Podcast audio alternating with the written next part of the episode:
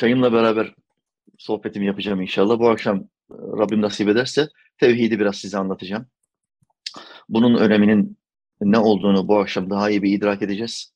E, bizi kandırmak, aldatmak isteyen sahte tanrıları, sahte tanrıların mudilerini, hizmetkarlarını e, çözebilmek adına tevhidi iyi anlamamız lazım. Bu yüzden bu dostlarımız bize bir davette bulundular. Biz de kabul ettik. İnşallah müstefid oluruz. Kelime olarak vahdet anlamına geliyor. Birlemek anlamına geliyor. Mevla Teala Hazretlerini birlemek zorundasın. Bize göndermiş olduğu, vahiy yoluyla göndermiş olduğu kitap olan Kur'an-ı Kerim'in ana amacı, ana gayesi nedir diye baktığımız zaman ilk hedef nedir? Tevhidi sağlamak. İnsanlık içinde bütün sahte tanrıları ortadan kaldırmak ve tek olan Allah'a, yerleri ve gökleri yoktan var eden Mevla'ya kulluğu bize öğretmek, hatırlatmaktır. Kur'an-ı Kerim'in amacı, ana amacı budur. Bize tevhidi öğretmektir tevhidi öğrenemezsen Allah'ın yanına başka ilahlar koyabilirsin. E bunu koyduğun zaman Allah Teala ibadetlerini kabul etmiyor. Hayırlarını kabul etmiyor.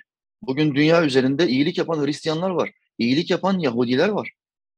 İyilik yapan Budistler var ama Allah Teala bunların ibadetlerini, iyiliklerini kabul etmiyor. Neden? Çünkü ilahın yanına, tek olan ilahın yanına başka ilahlar koydukları için. Böyle bir şey olduğu zaman Allah Teala okulu düşman belliyor.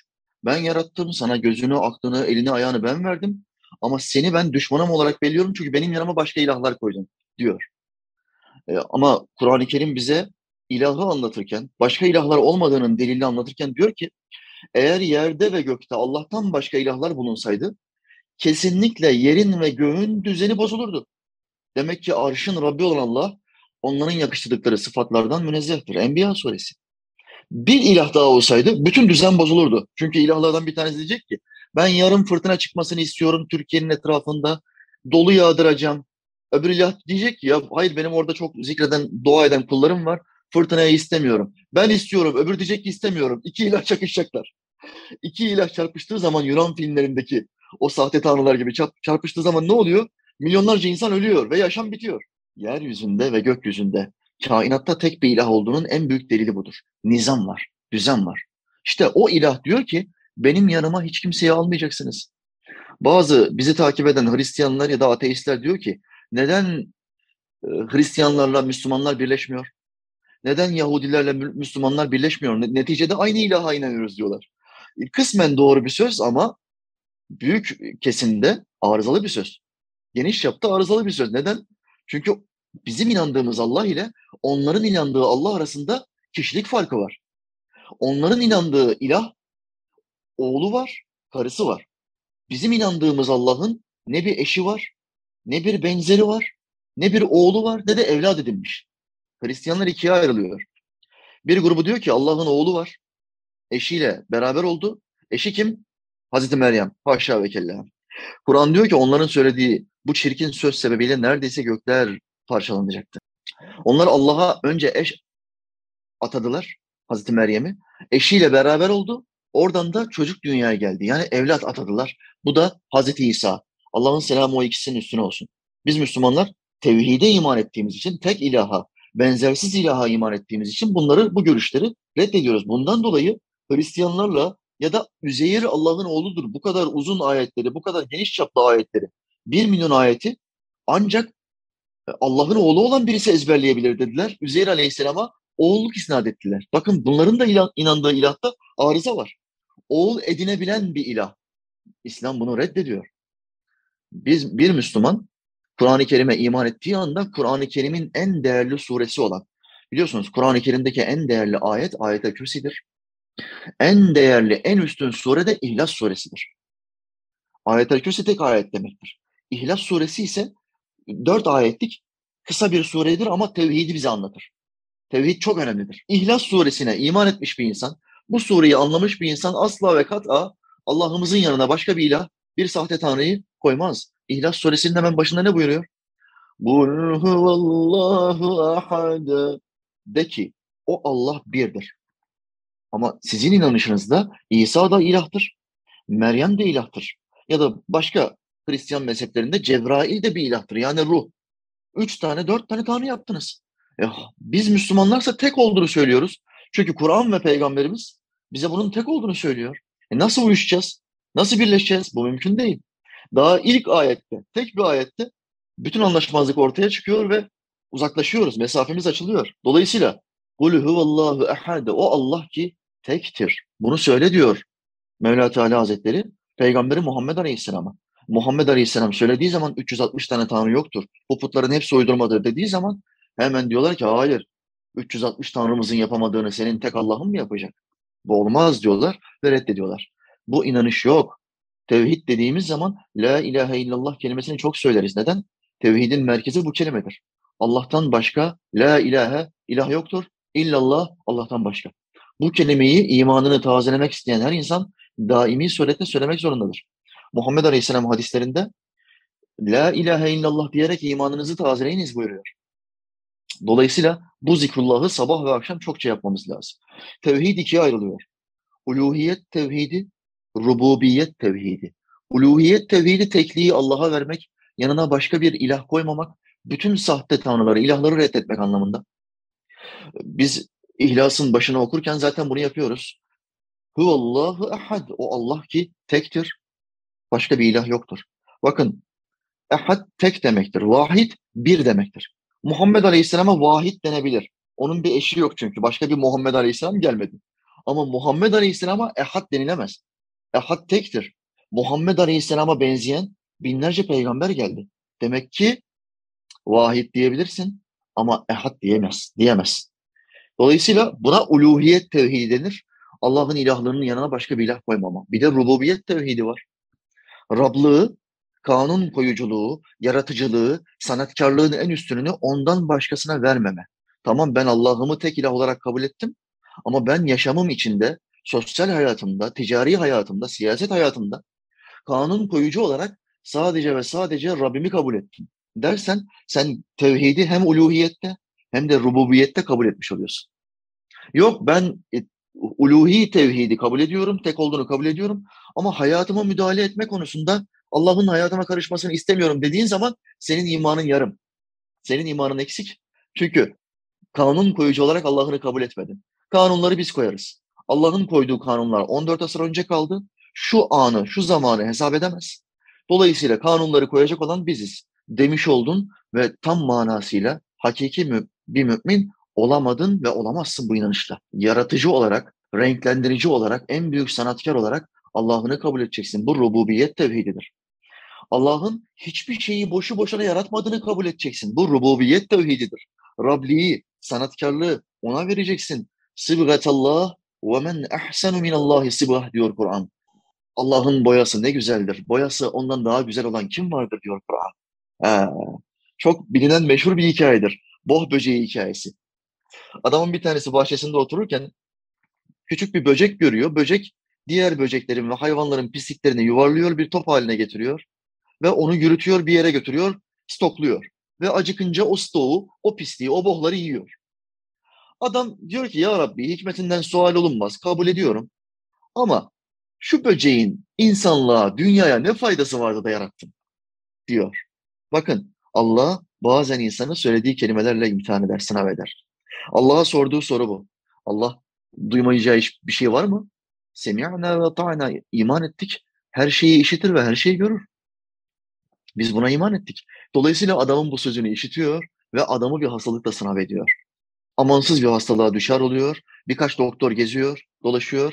Doktorlar çaresini bulamıyor. Fakat daha sonra alternatif tıpla ile iştigal eden bu kolla da alakadar olan bir doktor buluyor. Doktor diyor ki senin şifan boh böceğinin topladığı bütün böceklerin dışkılarından topladığı, biriktirdiği o yuvarlak misket senin şifan bu gübrelerdedir. Bu gübrelerden toplayacaksın, suyla kaynatacaksın ve bu gübrelerin bir kısmını yiyecek ve suyunu içeceksin diyor. Adam nizami bir şekilde kurtulabilmek için doktorun bu tavsiyesini yerine getiriyor ve Allah'ın izniyle şifasına kavuşuyor. Yıllar sonra gemiyle uzak bir beldeye seyahat ederken gemi alabora oluyor. Batma tehlikesi geçiriyor. Bütün tayfa kaptan koşturuyorlar sağa sola. Ama bu adamda hiçbir panik hali yok. Hiçbir korku, telaş yok. Tayfalar diyor ki ya sen ne alaksın az sonra öleceğiz. Dalgalar boyumuza kadar geldi. Gemi sallanıyor. Sendeki bu güvence nedir? Nedir bu özgüven? Diyorlar adama. Adam tayfalara şöyle bir cevap veriyor. Kardeşler, Allah'ın hikmetinden sual olunmaz. Ben bir kere onun hikmetinden sual ettim. Bunu neden yarattın? Ne gereği vardı dedim. Allah bana aylar boyunca böceğin bohunu, gübresini yedirdi. Şifama kavuştum. Şimdi gemi de onun, deniz de onun, dalgalar da onun. İster batırır, ister yürütür. Suyun üstünde bizi yürütür. Onun hikmetinden asla bir daha sual etmem diyor. Rububiyet tevhidine iman etmiş olan bir kul bilir ki Allah hiçbir şeyi sebepsiz yaratmamıştır. Muhakkak insanlık için, diğer hayvanat için ve kainat için bu hayvanatın bir faydası vardır. Bu insanların döngü içinde bir faydası vardır. İşte tevhide iman etmiş olan bir insan buna iman etmiş olur. Kul huvallahu ehad de ki o Allah birdir. Sonra ne diyor? Allahu samed. O Allah samettir. Sahabe sordu ya Allah Resulü samet ne demektir? Samet hiçbir şeye muhtaç olmayandır. Bütün insanların, bütün canlıların ve kainatın muhtaç olduğu tek ilah demektir. Samet budur. Allah'ın rububiyet sıfatına, rububiyet tevhidine iman edersen samet olduğuna da iman etmen lazım. Bütün isimlerine ve sıfatlarına iman etmiş olman lazım. Yani bizim inandığımız ilahın duaya mecburiyeti yok. İbadete ihtiyacı yok. Dua edilmezse zayıf kalacak olan bir ilaha iman etmiyoruz. Bizim Müslümanlığımız, inancımız, tevhid inancımız bunu gerektirir. İhlas suresi neden indi? Müfessir İmam Razi diyor ki, Necran'dan bir grup Hristiyan heyeti, papazlar Peygamberimiz Aleyhisselam'a geldiler. Dediler ki bize Rabbini anlat. O altından mıdır? Yakuttan mıdır? Gümüşten midir? O neydendir? Muhammed Aleyhisselam dedi ki benim Rabbim hiçbir şeyden değil. O her şeyin yaratıcısıdır. Bunun üzerine İhlas suresi inzal oldu ve Allah kendi sıfatlarını, kendi kudretini ve yanına hiçbir ilah kabul etmeyeceğini İhlas suresiyle Hristiyan papazlarına bildirdi. Allahu Samet, o Samet'tir. İnanacaksın ki senin o ibadete ihtiyacın var, senin o kulluğa ihtiyacın var ama Allah'ın senin kulluğuna, ibadetine ihtiyacı yok. İbadet yaptığın zaman şu üç şeyin kazancın olacağını düşünmen, tahayyül etmen gerekiyor. Ben bir ibadet yaptığım zaman üç şey kazanacağım. Bunlardan bir tanesine ahiret parası demek olan sevap. Dünyada paralar var. Dolarlar, eurolar, rubleler. Bunlar dünya kredisi. Dünyanı kazanmak için bu paraya ihtiyacım var. Ahirette bu para birimlerinin hiçbir tanesi geçmiyor. Bir tek para birimi geçiyor. Allah'ın para birimi, ahiretin para birimi. Sevap. Sevap Kur'an'ın deyimiyle hasene. Bu sevapları dünya hayatımızda yaptığımız ibadetlerle biriktiririz. Ahirette teraziye geçer. Terazide bir tek sevap bile fazla gelirse günahların üstüne Allah bizi direkt olarak cennete koyar. İşte sana yaptığın ibadet bir, sevap kazandırır. İki, kalbini ve aklını temizler. Huzur verir. Sevap kazandırmanın yanında defterine, amel defterine iyilikler yazmanın yanında kalbini temizliyor, yaptığın ibadet, aklını temizliyor ve bu temizlikle beraber bir şey yıkandığı zaman, temizlendiği zaman daha iyi çalışır. Daha huzurlu olur. Yıkandığın zaman, çıktığın zaman bir mutlu oluyorsun. Fesferah kokuyorsun, ter kokuları gidiyor. Yazın her gün duş alıyoruz kardeşler. Biz e, peygamber de değiliz gül kokusuyla kokunalım. Her gün duş alıyorsun bak. Yıkandığın zaman ne olursun? Temizlenir misin, kirlenir misin? Temizlenirsin. Temizlendiğin zaman da huzur bulursun. Yaptığın ibadet sana sevap kazandırır, huzur kazandırır. Ama ben üç şey vaat ettim. Bir şey daha kazandırır. Nefsini terbiye etme ve şeytanına işkence etme nimetini sana verir. Her ibadet nefsimizi eğitir, terbiye eder. Uzak doğu spor salonuna giden ve kendini dövüş konusunda eğiten bir adam gibi nefsini yaptığın her namazla, her zikirle, her Kur'an okumayla, her ilmi toplantıyla terbiye edersin aynı zamanda. Ve bu terbiyeyle beraber aynı zamanda şeytanına da bir şey yaparsın. Biliyorsunuz nefsi iç düşman, şeytan dış düşman. Nefs FETÖ, şeytan Amerika, Fransa, İngiltere, İsrail. Bu dış düşmandır. Şimdi iç düşmanı terbiye ediyorsun, kafasına kafasına vuruyorsun ibadetinle. Dış düşman ne oluyor? Dış düşmanı da işkence yapıyorsun. Senin gelişmen, ilmi olarak gelişmen, kuvvetlenmen nefsin ve şeytanın hiç hoşuna gitmez ve işkenceye uğrarlar her ikisi. İşte ibadet, bütün bu ibadetleri yapıyorsun, kendin için yapıyorsun. Allah samettir. Sen bin rekat namaz kılsan Allah'a bir gıdımı gitmez. Hiçbir fayda sağlamaz. Dolayısıyla yaptığın ibadetleri kendin için yaptığını bileceksin. Asla gururlanmayacaksın, kibirlenmeyeceksin. İlahlığı Allah'a verdiğin zaman haramlardan sakınırsın, takva ve vera sahibi olursun. Vera sahibi olmazsan yaptığın ibadetten de bir muhabbet, bir haz alamazsın. Vera yani takva, ibad ibadette Allah'a karşı gelmek gelmekten sakınmakta titiz davranma, vera. Titiz Müslümanlık, titiz dervişlik. vera sahibi olma çok az insana nasip olur. İmam Rabbani şöyle tarif ediyor. Dünyada felaketlerden, ahirette de azaptan kurtulmak için iki şey lazımdır. Emirlere sarılmak, yasaklardan sakınmak. İki şey olmazsa dünyada felaketlerden kurtulamazsın, ahirette de azaptan kurtulamazsın. Allah'ın emirlerine sarılacaksın, yasaklardan sakınacaksın. Bu ikisinden en büyüğü ve daha lüzumlusu ikincisidir ki vera ve takva denir. Resulullah Aleyhisselatü Vesselam'ın yanında birisinin çok ibadet ettiğini, çok uğraştığını söylediler. Birisinin de yasak edilen şeylerden çok sakındığını söyledikleri zaman Efendimiz Aleyhisselam hiçbir şey vera gibi olamaz buyurdu.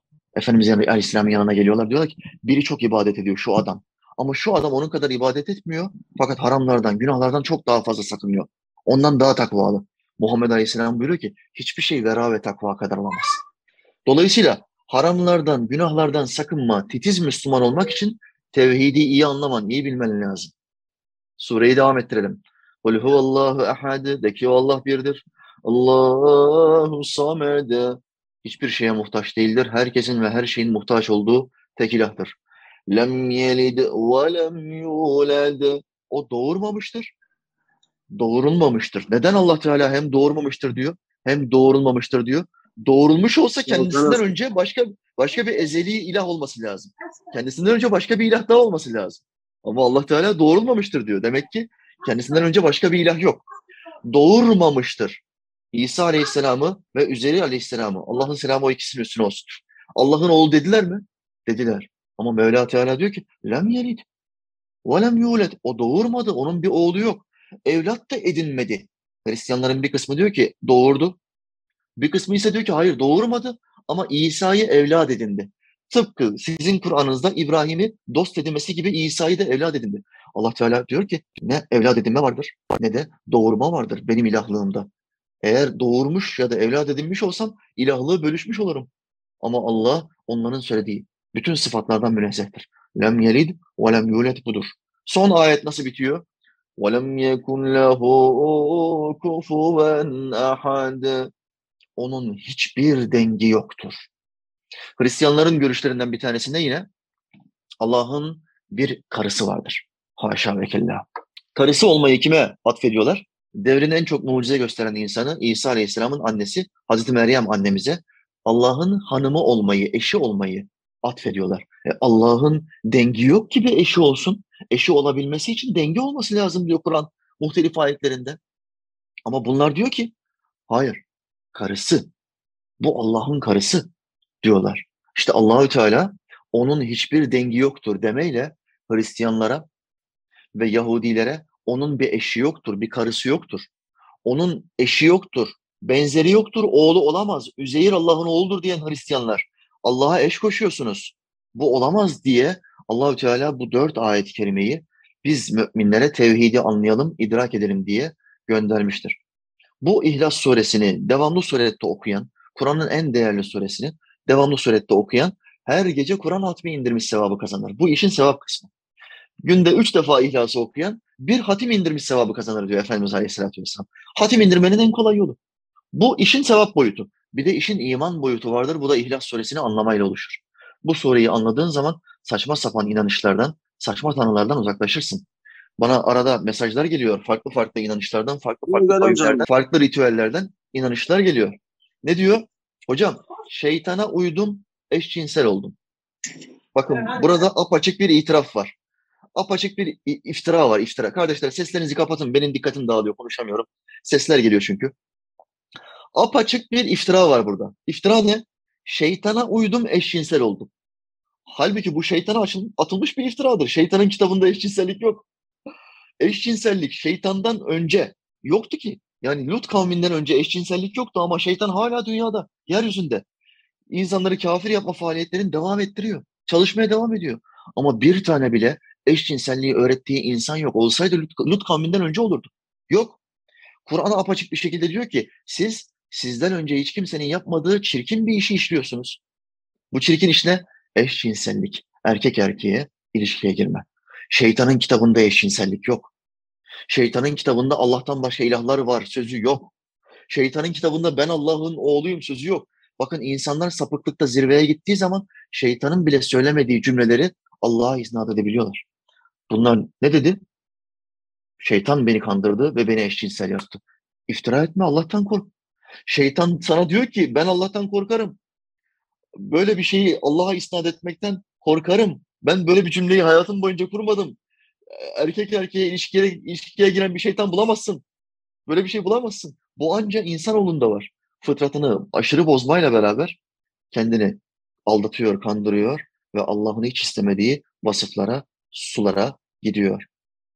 Kardeşler bu iş böyledir. E, tevhidi seçmemin sebebi günümüzde çok fazla yeni dini ritüeller, yeni yeni dinler ortaya çıktı. İnsan yapımı dinler, Budizm gibi, şamanizm gibi, gök tengri gibi insan yapımı dinler. Bunların yanında küçük dinler, enerjilik yapma gibi, ritüel yapma gibi, e, güneşe tapma, güneşin e, düzenine göre hal hatır sorma, güneşe göre ibadetlerini şekillendirme gibi yeni yeni dinler ve ritüeller ortaya çıktığı için bu konularda Müslüman kardeşlerimizi uyarmamız lazımdır. Bunlara dikkat etmemiz lazım kardeşim. Ne diyorlar? Bazı yeni çıkan ritüellerde meleklerin isimlerini zikrediyorlar. Allah'ın isimlerini, isimlerini zikretmek yerine melek isimlerini zikrediyorlar. Meleklerin isimlerini sayıyorlar. Falanca melek beni kurtar. Filanca melek benim kalbime muhabbetini ve aşkını ulaştır diye melek isimleri zikrediyorlar. Melekleri Allah'a eş koşuyorlar. Müşriklerin deyimiyle melekler Allah'ın kızlarıdır diyorlar. Bu inanış şimdi yeni yeni insanların önlerine getiriliyor. Instagram hesaplarında, yüz binlerce takipçisi olan Instagram hesaplarında melek isimlerini zikretmeyi insanlara teşvik ediyorlar. Bu akşam şu ritüelleri yapacağız diyorlar. Ritüeller çıktı şimdi, ritüeller. Şamanizmden bulmuşlar, getirmişler. Gök tengricilikten bulmuşlar, getirmişler. Hinduizmden, Budizmden karıştırıyorlar. Yogoyla, Togoyla birleştiriyorlar. İslam'dan da birkaç zikri alıyorlar. Allah'ın ismini karıştırıyorlar ve getiriyorlar önümüze koyuyorlar. İnsan yapımı dinler. Sizinle bu akşam zikir çalışması yapacağız diyorlar ve insanlardan toplu zikir çalışması sebebiyle para alıyorlar. Ücretini ödemeyenler lütfen WhatsApp grubumuzdan çıksın. Bu akşam zikir çalışması için kişi başı 80 TL, 80'er TL ödeme yapmayanlar lütfen WhatsApp grubumuzdan çıksınlar. Çünkü bu zikri biz canımız çıkıyor burada zikir yaptırırken diyorlar. Kardeşler böyle saçma sapan dini ritüeller ortaya çıktı. Bunlara karşı imanınızı koruyunuz. Korumanın yolu Allah'ın bir olduğuna iman etmek, Rabbi tanımak. Allah'ı tanımayan hiç kimse boşa lakırdı yapmasın. Ben çok zikrediyorum, benim çok ilmim var, ben çok ibadet yapıyorum diye boşa lakırdı yapmasın. Allah'ı tanımana vesile olmuyorsa yaptığın ibadet, kandırılman çok kolaydır. Çok basittir. İşte kandırılan binlerce insan. Ben ritüel yaptım hocam diyor. İmanım gitmiş midir? Yıldız falı baktırdım diyor. Yıldızım düşükmüş hocam diyor. Yıldızların hayatına bir etkisi olduğu inancına kapılmış. Bu da yıldızcılar. Bu da farklı bir şirk. Enerjiciler, ritüelciler, farklı farklı yeni küçük küçük insan yapımı dinleri İslam'ın önüne getiriyorlar. Bizi batıllarla meşgul ediyorlar ve bizi Allah'tan uzaklaştırıyorlar. Allah ile aramızdaki mesafeyi açıyorlar. Bu tür sahtekarlara, bu tür para tuzakçılarına karşı, cebini doldurmak isteyen istismarcılara karşı çok dikkatli olunuz. Bakın bir insan pedofili olsa, çocuk istismarcısı olsa kendi hayatını mahveder. Fıtratını bozar, ahirette azap görür. Ama bir insan dini bozarsa, insan yapımı yeni ritüeller, yeni inanışlar ortaya çıkartırsa peşinden gelen binlerce insanın fıtratını bozar, hayatını mahveder. Cinleri ve şeytanları enerji enerji diyerek onun hayatına monte eder ve o kişi artık cinlerin kulu olur enerji dediğimiz şey biyoenerjiyle uğraşıp ben insanları tedavi ediyorum diyor. Yahu enerji dediğin şey bütün insanların enerjisi var. Bütün hayvanların enerjisi var. Mahlukatın ruh verdiği her şeyin bir enerjisi var zaten. Bu enerji aura falan derler. Bazı insanın aurası çok yüksek falan derler. Hakikaten Allah Teala böyle bir enerjiyi vermiştir. Nasıl bizim e, sui enerjimiz var, suizan, nazar enerjimiz, bakarak insanları kötü bir şekilde bakarsak, onlar hakkında kötü şeyler düşünürsek Onlara nazar edebiliyoruz. Nazar haktır İslamiyet'te. Kötü nazarımız değebiliyorsa güzel nazarımız da değebilir. İşte buna enerji denir. Bu İslamiyet'te vardır. Ama sen benim enerjim var deyip bana şu kadar para ver gel seni ben biyoenerjimle iyileştireyim dersen ve sana gelen 10 kişinin bir tanesine tesadüfi olarak faydan dokunursa diğer 9 kişiye faydan dokunmazsa sen bu işi istismar ediyorsun. Kullanıyorsun demektir. Ve bu enerjiyi kullanıyorum derken insanları Allah'tan uzaklaştırıyorsan ve tabi olduğun, sana destek olan kafir cinler, birisine faydam oldu diyor. O fayda kimden? Kafir cinler, tabip cinler vardır. Nasıl bizde insan tabipleri var, doktorları var, cinlerin de tabipleri vardır. Müslüman cinlerin tabipleri, kafir cinlerin tabipleri. Kişi, cinleri kullanan kişi, cinlerin enerjisiyle hastalara iyi gelecek olan, geçici olarak iyi gelecek olan bir yumuşam, yumuşatma, bir masaj yapma, bir rahatlatma sağlayabilir. Bunu sağladıktan sonra o kişiyi kafir cinlere tabi ettirebilir. O kişiyi İslam dışı farklı dinlere sevk edebilir. Bunu yaptığı zaman ne olur? Kişi şirke düşmüş olur. Artık o kafirliğe sevk eden, kafir cinlerle dost olmaya sevk eden insanın dediği her şeye tabi olur. Sonra sonra bu cinlerle, kafir cinlerle iş tutan adama bağımlı hale gelir. O cinler o rahatlığı veren bir masajla, bir rahatlatmayla o kişiye rahatlığı veren, geçici rahatlığı veren cinler sıkmaya başlarlar. O cinlerin hamisi olan bu adam der ki cinlere sıkın onu tekrar bana gelsin bin TL'sini alacağım. Çünkü bu daimi surette gelen pasif bir gelir olmalı. Pasif bir şekilde onu kandırabilmeli. Her ay sıkı, sıkılır, daralır. Son bir haftasında daraltılır o cinler tarafından. O kişi tekrar bu cinlerin sahibi olan adama gelmek, 1000 TL seans ücreti ödemek ve o cinler tarafından tekrar rahatlatılmaya mecbur hale gelmek zorunda kalır. İşte enerji, işte enerjiciler. İşte Hinduistler, işte ritüelciler, işte meleklere tapanlar. Ya melekler kuldur, senin benim gibi kuldur. Hatta insana, derece olarak insana yetişemeyen kullar. Neden? Çünkü Allah bize akıl verdi, irade verdi mi? Nefs verdi. Ama meleklerde akıl var, irade yok, nefs yok. Nefs olmadığı için onlara sınav yok. Dolayısıyla nefsi olan biz insanlar Allah'ın emirlerini yerine getirirsek, tevhidi iyi anlarsak ve kulluk yaparsak derecemiz meleklerden daha üstün bir seviyeye gelebilir. Mesele budur kardeşler. Tevhidi anlamak isteyen muhakkak İhlas suresini e, anlayacak. İhlas suresini okuyacak. Mealine yetmez. Tefsirine, tefsirlerine bakacak. Her sohbetime hazırlanırken muhakkak 8-10 tane tefsir karıştırırım. Tefsirini yapacağım ayet konusunda. Muhakkak Müslüman kardeşlerimizi Kur'an-ı Kerim'i okurken tefsirine de bakmaya teşvik ediyoruz, e, sevk ediyoruz ki Allah'ın bizden isteği nedir? Bunu anlayabilelim. Sen sadece Arapça metnini okuyorsun ama hiç Allah'ın senden muradı isteği nedir bakma ihtiyacı hissetmiyorsun. Allah bunu istemiyor. Yanlış yapıyorsun Müslüman kardeşim. Dolayısıyla Allah Teala Hazretleri bu İhlas suresini iyi anlamayı, iyi idrak etmeyi ve hayatımıza monte etmeyi bütün Müslüman kardeşlerimize nasip etsin kardeşler. Size bu akşam tevhidi anlattım. İçinizden 3-5 tane kardeşten e, sualleri alacağım. Bu sualleri kısa bir şekilde cevaplamaya çalışacağım. E, sabırla dinlediniz. Allah hepinizden razı olsun. Allah razı olsun hocam. Arkadaşlar sorunuz varsa sorabilirsiniz. Mikrofonlarınız açık.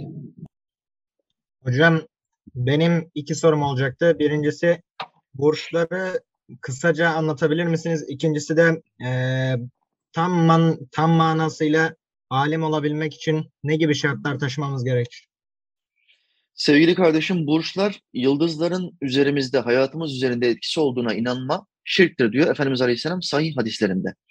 Dolayısıyla e, burçların e, üzerimizde bir etkisi olduğuna inanma olayı e, kaderi burçları yazan kişilerin bilmesine inanma olayına geçer. Bu şirk haline gelir. Kaderi Allah Teala'dan başka kimse bilmez.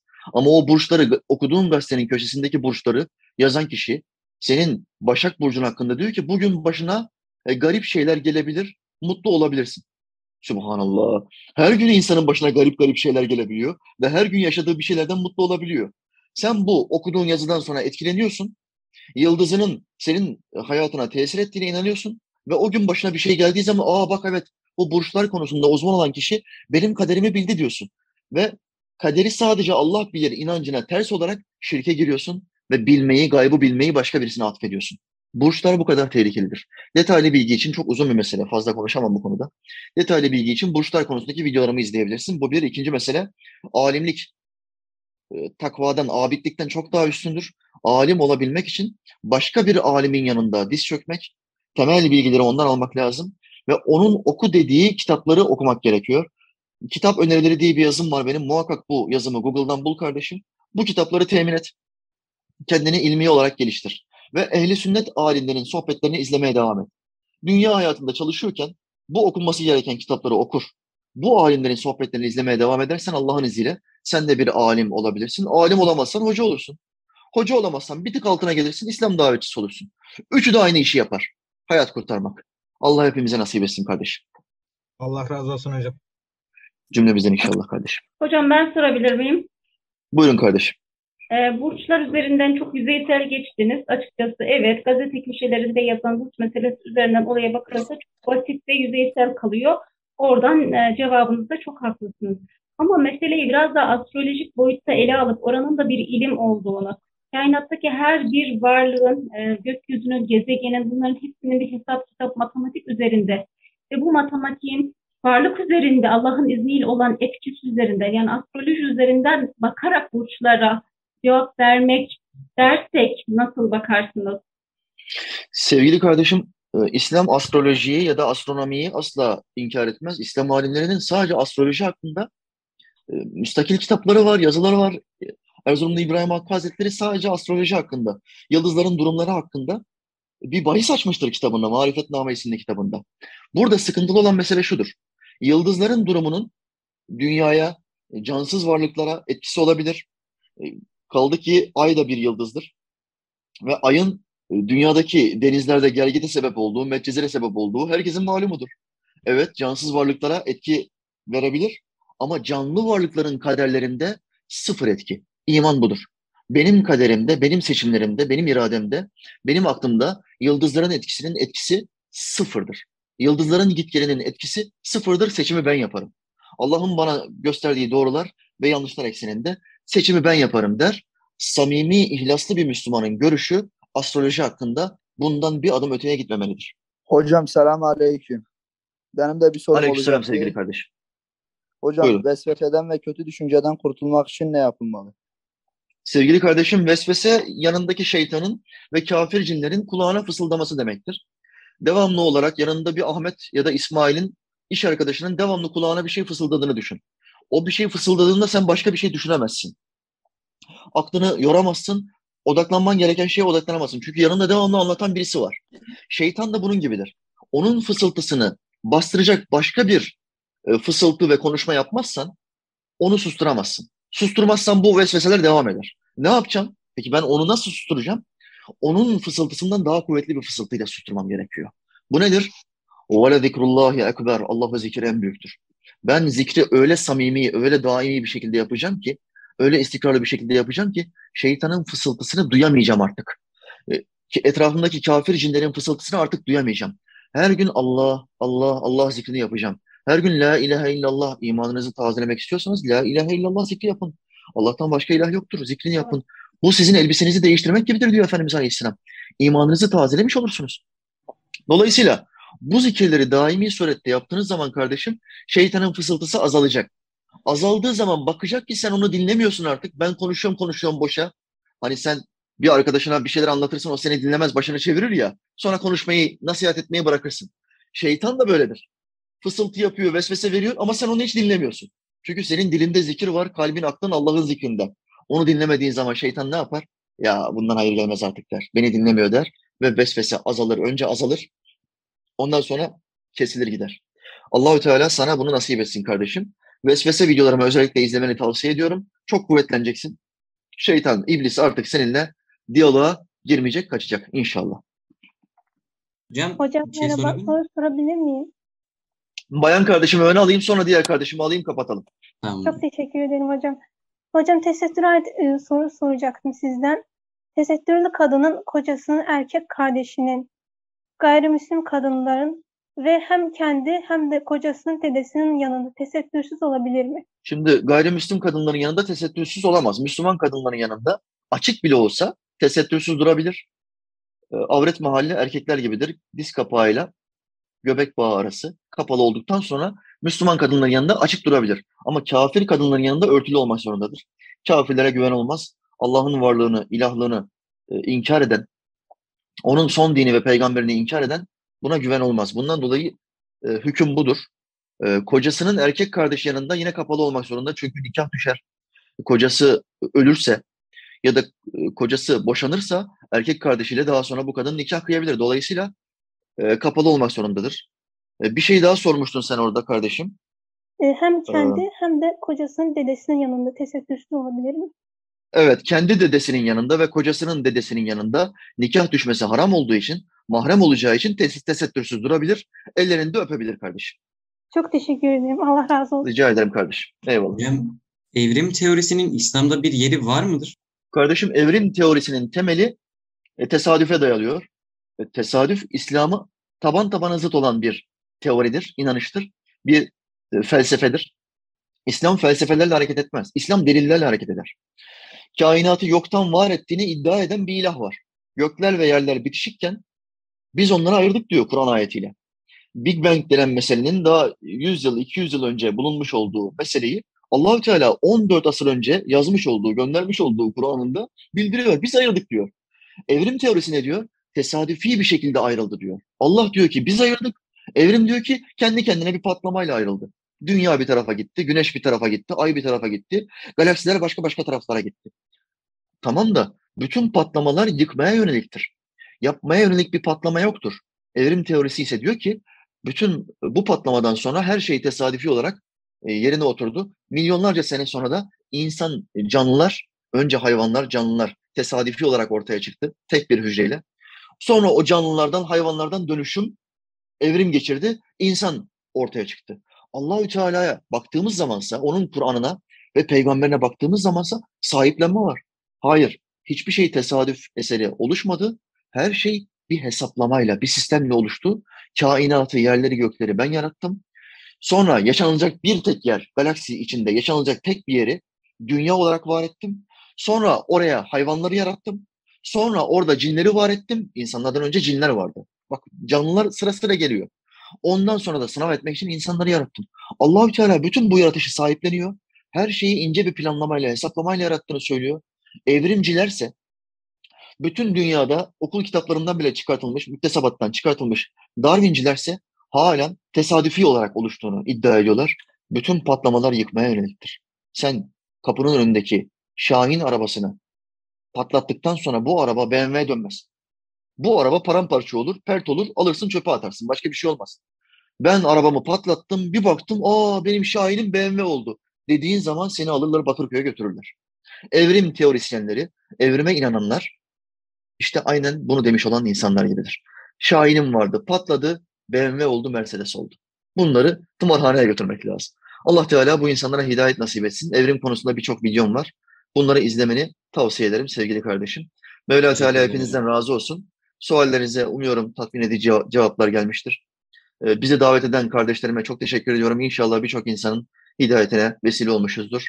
Tevhidi anlamasına, İslam'ı ve Kur'an'ı araştırmaya ve e, sevk etmiş olmuşuzdur bu akşam. Allah Teala tesirinizi arttırsın. Her birinizi alim ve alime etsin ki hayat kurtarın kardeşler. Dünyada bundan daha üstün bir meslek yoktur. Bütün meslekler kabre kadardır kazandıracağı sevaplar. Ama İslam davetçiliği, hocalık ve alimlik kabirden sonra da işlemeye devam eder, kazandırmaya devam eder. Bundan dolayı hepinizi Allah Teala İslam davetçisi yapsın. Esselamu Aleyküm ve Rahmetullah ve Berekat. Allah'a emanet Allah olunuz. razı olsun hocam. Allah'a emanet hocam. Bize de dua Kerem hocam teşekkür ederiz. Sağ olun hocam. Allah sizden razı olsun. Sevgiye dostum. Hayırlı akşamlar hocam. Dilinize sağlık. Tamam kardeşim. Allah razı olsun.